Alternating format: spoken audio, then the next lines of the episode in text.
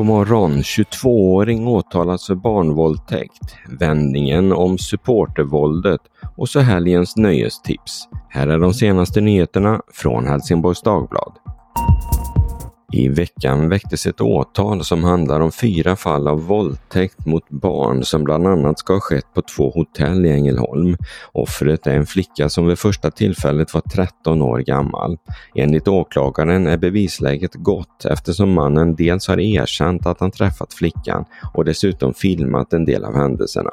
Själv hävdar han att han inte visste att flickan var så ung som hon var. Superettan-mötet mellan Jönköping och HIF den 19 augusti blev stökigt. En mobilfilm av polis som sprayade in i HIF, HIF supporterbuss spreds på sociala medier. Matchen den 29 augusti mellan HIF och Landskrona Boys blev lika så. Där var det boys-supportrarna och polisen som konfronterades vid bussen, som blev samtalsämnet efter matchen. En polis anklagas för övervåld efter att ha slagit en supporter blodig. Flera supportrar JO-anmälde polisen för de här två händelserna, men åklagaren la ner utredningen redan efter ett dygn. Nu ska händelsen som HD, Jönköpings-Posten och radions P4 rapporterat om utredas. Det var två HIF-supportrar som agerade och saken fick en helt ny vändning. Enligt åklagarkammaren så har det kommit in kompletterande material. Läs hela artikeln om händelseutvecklingen på hd.se finns din bortkastade inköpslista, kanske i en nyutgiven bok. Björn Helgesson Falk är känd som musiker, lärare på Mega Musik och en hängiven hif supporter Det är han som står bakom låten På gator röda och blå.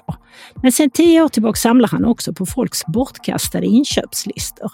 Det har nu blivit både en bok och en utställning på Dunkers som pågår till den 23 november.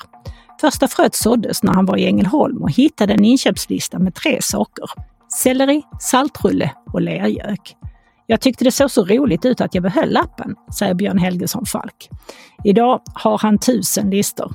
De får honom att fundera över livet bakom lappen. Den ensamma noteringen Bygga hus är kanske en av hans märkligaste. Miljöpartiet är det parti som utsatts för mest hat och hot. Det visar en undersökning från Brottsförebyggande rådet.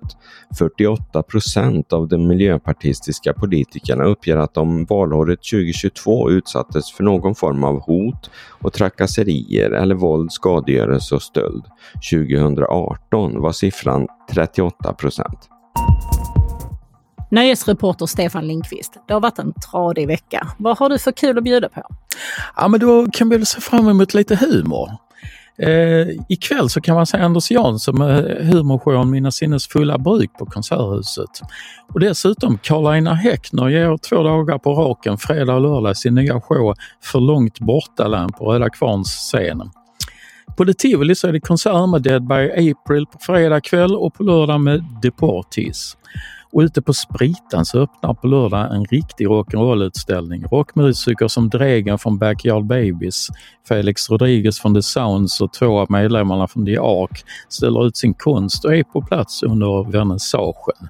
Det där tänker jag nog själv besöka. Du, det låter jättebra. Tack så mycket! Vädret. Förutom en regnskur under förmiddagen så ser det ut att kunna bli en ljusare dag idag med solchanser kring lunchtid. Liksom tidigare i veckan så ligger temperaturen kvar kring 9 grader. Vinden blir sydlig och 57 meter per sekund. Lördagsvädret ser ut att bjuda på uppehåll och en temperatur på omkring 7-8 grader. Söndagen ser ut att bli mulen men regnfri och något svalare, 56 grader.